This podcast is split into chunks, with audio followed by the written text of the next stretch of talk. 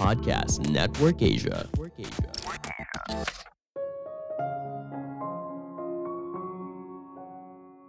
Hal besar dalam hidup hanya bisa diraih ketika kamu bersedia melihat dunia dari perspektif yang berbeda. Halo semuanya, nama saya Michael. Selamat datang di podcast saya, Sikutu Buku. Kali ini saya akan bahas buku Think Like a Rocket Scientist karya Ozan Farrell. Sebagai informasi, podcast Sekutu Buku sekarang bergabung dengan Podcast Network Asia dan Podmetrics loh. Sebelum kita mulai, buat kalian yang mau support podcast ini agar terus berkarya, caranya gampang banget. Kalian cukup klik follow. Dukungan kalian membantu banget supaya kita bisa rutin posting dan bersama-sama belajar di podcast ini. Buku ini membahas cara berpikir seperti ilmuwan roket untuk meraih hal besar dalam hidup. Menariknya, kamu tidak perlu menjadi ilmuwan roket untuk berpikir seperti mereka Strategi berpikir ini bisa kamu aplikasikan pada hal lain dalam hidup apabila kamu ingin meraih hal besar. Berpikir seperti ilmuwan roket artinya melihat dunia melalui perspektif yang berbeda. Ilmuwan roket membayangkan apa yang belum ada sebelumnya dan memecahkan masalah yang belum terpecahkan. Mereka mengubah kegagalan menjadi kemenangan dan hambatan menjadi peluang. Mereka melihat kecelakaan sebagai teka-teki yang dapat dipecahkan daripada penghalang jalan yang tidak bisa diatasi. Mereka tahu bahwa aturan lama tidak berarti benar 100%, standar bisa diubah, dan jalan baru dapat dibuat. Saya merangkumnya menjadi tiga hal penting dari buku ini. Pertama, cara berpikir seperti ilmuwan roket. Manusia pada dasarnya tidak menyukai sesuatu yang tidak pasti kita berusaha untuk mencari sebuah pola dari kondisi yang tidak pasti untuk membuat kita merasa lebih aman. Maklum saja, pola pikir ini yang membuat kita bisa bertahan hidup di zaman purba.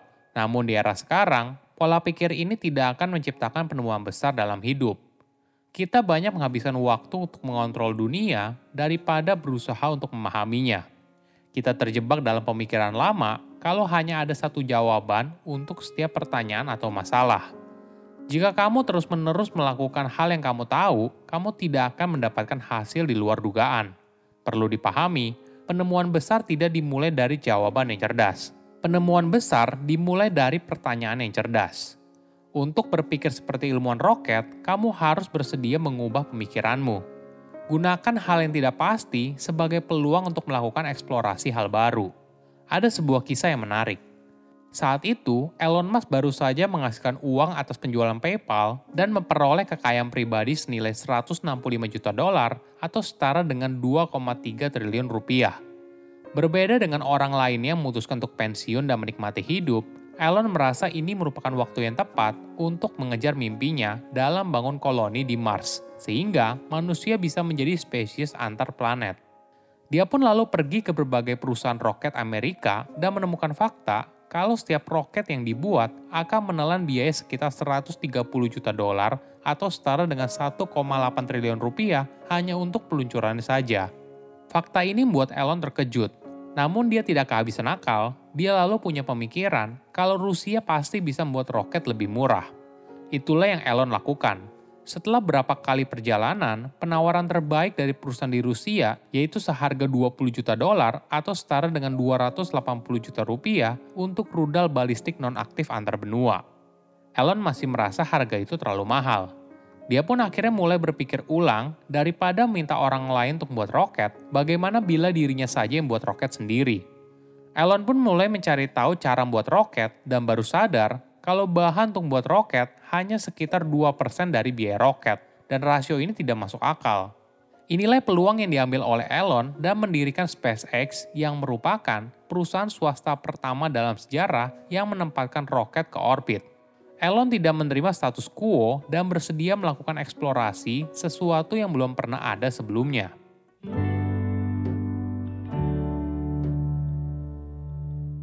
Kedua, bertanya hal yang tepat apa yang kita lakukan setelah punya beberapa ide yang menarik. Cara terbaik adalah dengan menguji ide tersebut dengan serangkaian pertanyaan yang berbeda sehingga menghasilkan kesimpulan yang berbeda. Cara ini juga dilakukan oleh para astronot. Mereka berlatih selama bertahun-tahun untuk menghadapi berbagai skenario terburuk. Manusia secara alami ingin mencari jawaban atas semua masalah yang dihadapinya. Hal ini yang sering kali membuat kita terjebak buru-buru menjawab sebuah masalah daripada meluangkan waktu untuk menjelajahi berbagai kemungkinan. Apalagi ketika kita sudah pernah menghadapi masalah tersebut di masa lalu, kita dengan gegabah langsung mengambil kesimpulan tanpa berpikir lebih matang. Coba pikirkan sebuah pertanyaan seperti sebuah lensa kamera yang berbeda jika kamu menggunakan lensa kamera dengan sudut lebar, maka kamu akan melihat semua pemandangan. Namun, ketika kamu menggunakan lensa zoom, maka kamu dapat melihat kupu-kupu yang sedang hinggap di sebuah bunga. Cara ini akan buat kita lebih kreatif dalam bertanya atas sebuah masalah, dan akhirnya kita akan berada pada solusi yang berbeda. Apakah kamu tahu ada dua jenis cara berpikir, divergent thinking dan convergent thinking? Dua cara berpikir ini ibaratnya seperti koin dengan dua sisi, sangat berbeda namun sangat penting dalam hidup. Convergent thinking adalah ketika kamu hanya fokus pada masalah itu sendiri. Convergent thinking sangat efektif untuk menghadapi sebuah masalah yang sudah jelas. Misalnya, seorang mahasiswa kedokteran bisa menjadi dokter di kemudian hari atau tidak. Tipe pemikiran ini melihat dunia hanya dari dua sisi, hitam putih, baik buruk, tidak ada kemungkinan yang lain. Sedangkan tipe pemikiran kedua adalah divergent thinking. Hal ini terjadi ketika kamu dengan bebas melakukan eksplorasi berbagai solusi untuk menghasilkan ide kreatif. Proses ini biasanya terjadi secara spontan, mengalir bebas, dan bersifat non-linear, sehingga banyak ide tidak terduga yang muncul. Setelah proses divergent thinking selesai, ide dan informasi disusun menggunakan convergent thinking. Untuk mengelola resiko, perusahaan harus menyadari kalau sebagian ide besar akan gagal dan hanya satu atau dua yang berhasil.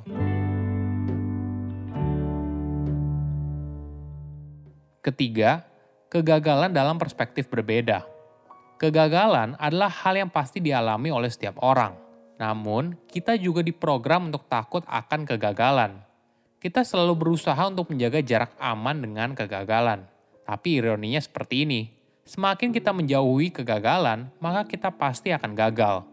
Coba perlahan belajar untuk tidak takut gagal. Karena melakukan sesuatu yang inovatif berarti kita harus mengambil resiko. Dan mengambil resiko berarti kamu pasti akan mengalami kegagalan setidaknya beberapa kali. Setiap kali kamu gagal, coba analisa kejadian tersebut dengan rasa penasaran. Kamu pasti akan menemukan sudut pandang yang berbeda. Ada perspektif menarik soal kegagalan dalam jangka waktu yang lebih panjang, apa yang sekarang kita lihat sebagai kegagalan, di masa depan kita baru menyadari kalau itu adalah batu loncatan yang membantu kita di posisi sekarang. Dalam sebuah organisasi, seorang pemimpin harus menciptakan lingkungan kerja seperti itu. Jangan menghukum atau mempermalukan karyawan ketika gagal, bertanya, atau meminta tolong dalam rangka mencapai tujuan yang ambisius. Penelitian menunjukkan bahwa pemimpin yang menciptakan lingkungan kerja tersebut merangsang tumbuhnya inovasi besar ketika karyawan merasa bebas untuk berbicara, mengajukan pertanyaan provokatif, dan mengungkapkan pemikirannya, mereka berusaha menantang status quo daripada hanya menuruti apa kata atasan. Untuk mengubah hidup, kamu perlu melihat dunia dari sudut pandang yang berbeda. Jangan takut untuk keluar dari zona nyaman dan mengambil resiko yang terukur. Saya undur diri, jangan lupa follow podcast Sikutu Buku. Bye-bye. Pandangan dan opini yang disampaikan oleh kreator podcast, host, dan tamu tidak mencerminkan kebijakan resmi dan bagian dari podcast Network Asia.